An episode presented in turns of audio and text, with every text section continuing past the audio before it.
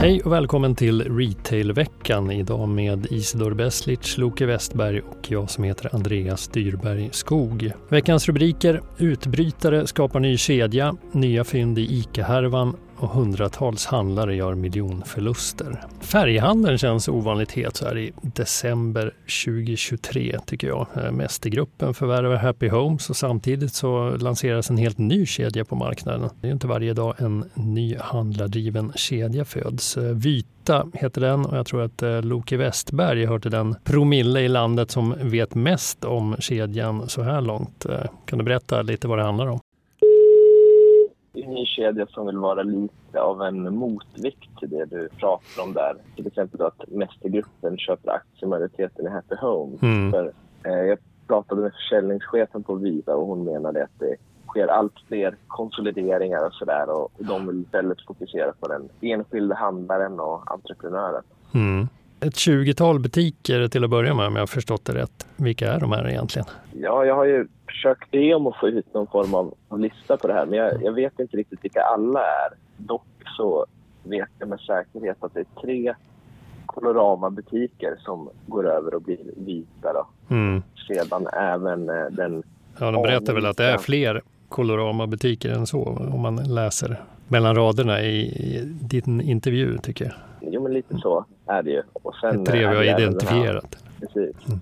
Även den här äh, anrika måleributiken i Alvik som äh, blir en del av Vita. Ja, som du säger, de trycker ju hårt på att värna liksom det lokala entreprenörskapet. Äh, har det liksom funnits ett, ett missnöje med den aspekten hos den här gruppen i deras tidigare konstellationer? Var det liksom därför idén om en ny kedja skapades eller vad är det som ligger bakom?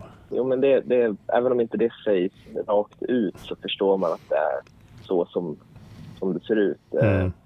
Och, och, det är ju, ja, jag har ju pratat med både försäljningschefen och en av de här handlarna som, som kliver över till Vita. Och mellan raderna så tycker jag man hör att det har funnits ett missnöje med de tidigare konstellationerna man har varit i och att man hoppas på att det här ska bli något helt annat. Ja, hon eh, riktar väl även en liten flört till Happy Homes-handlarna där efter Mästergruppen-affären va? Ja men precis och det är just det här att de, de trycker rätt mycket på att det blir konsolideringar och, och liksom mm. att många av de här butikerna inte liksom äger sig själva på något vis. Eh, och, och, det vill ju de i och med den här kedjan då ändra på. Att det ska vara entreprenören som, som står i fokus. Och de eh, nämner ju även det att de har hämtat mycket inspiration från hur Elon jobbar i mm hemelektronikhandeln. Ja, enligt Happy Home så var det ju 100% uppslutning bakom beslutet att eh, joina Mästergruppen. Men det var ju eh, var inte samma sak när Mästergruppen gick in i Sverige första gången. Då var det ju många inom Excelbygg som bytte kedja eller eh, lät sig förvärvas av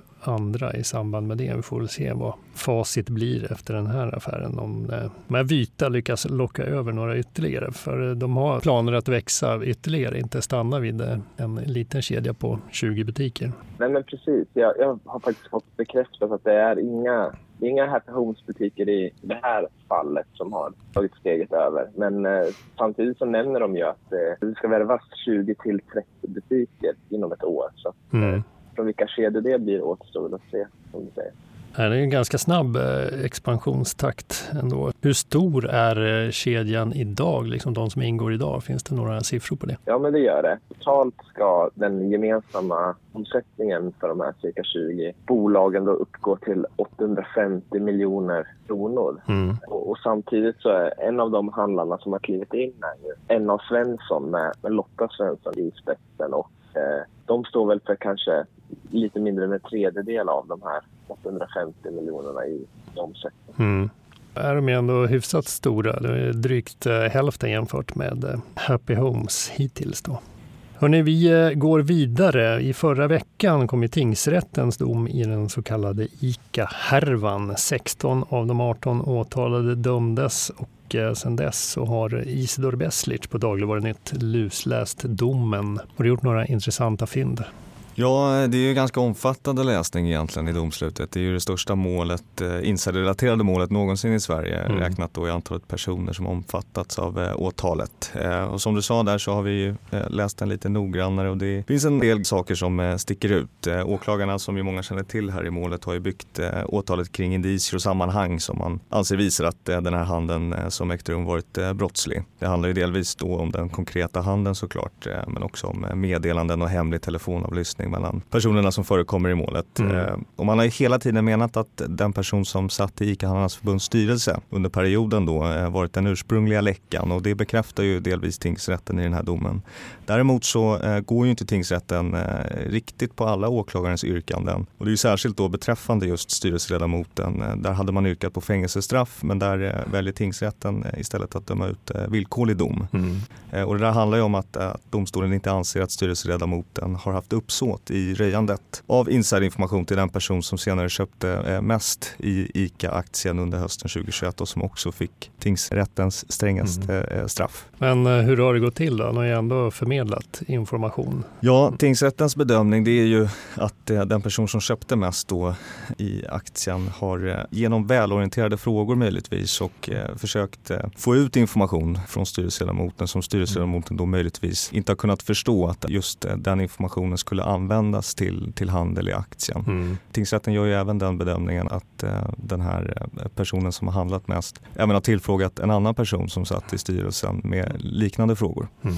Välorienterade frågor, det var en fin formulering. Han har helt enkelt fiskat efter information som egentligen var obehörig att röja. Precis, och det här väntas ju också bli eh, kanske en av, av de eh, viktigare punkterna om det skulle vara så att, eh, att målet även prövas på nytt i hovrätten. Det har varit viktigt för åklagarna just den här informationsspridningen och hur den har gått till. Mm. Och när vi pratade med, med Pontus Hamilton då som är huvudåklagare så var han ju även inne på att man sannolikt kommer att överklaga just den domen beträffande styrelseledamoten, kanske även andra domar. Även om det är så att vi redan nu vet att både styrelseledamoten och den person då som vi kallar för eh, branschtoppen kommer att eh, överklaga till hovrätten. Man kan ju också bara lägga till att det här är också något som försvaret kan komma att trycka på vid en mm. eventuell prövning i högre instans. Alltså att tingsrätten ändå har ogillat eh, ganska centrala delar av, åklagarnas eh, gärningsbeskrivning. Mm. Så flera överklaganden att vänta, alltså vad vet vi mer om hur processen går vidare? Ja, rent formellt så är det så att man har tre veckor på sig att överklaga en dom då, eh, i det här målet i alla fall.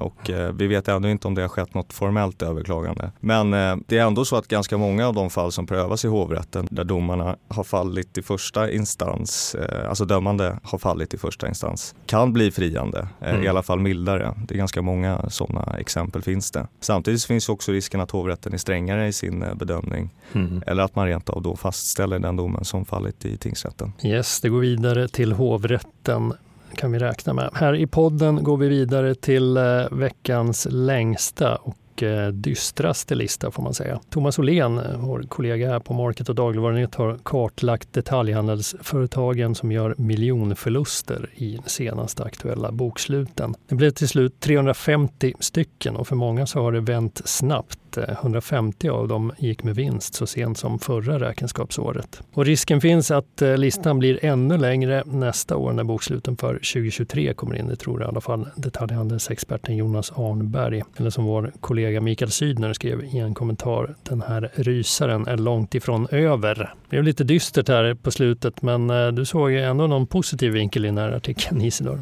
Ja, han är ändå, eh, Jonas Arnberg här inne på att han är förvånad över att fler bolag inte gått i konkurs. Han menar ju att det, det är delvis ett bevis på att eh, ett ganska stort antal företag då trots förlusterna ändå lyckats parera konjunkturen med det höga ränteläget och eh, den tillbakatryckta konsumtionen. Mm. Och detta genom då att liksom anpassa organisationen och kostnadskostymen på ett sådant sätt att man har kunnat härda ut och inte nått den punkten där en konkurs blir eh, sannolik mm. kanske. Det är sant, vi har sett att många jobbar ju stenhårt för det här. Men det kommer i alla fall lite positiva signaler här på morgonen också. Inflationstakten i november landar betydligt lägre än väntat. Eh, sådana besked är man ju inte bortskämd med. Nu är det dags att eh, packa ihop för den här gången. Ni har lyssnat på Retailveckan, en podd från Market och Dagligvarunytt. Ansvarig utgivare Fredrik Svedjetun. Vi hörs. Hej då! hej. hej.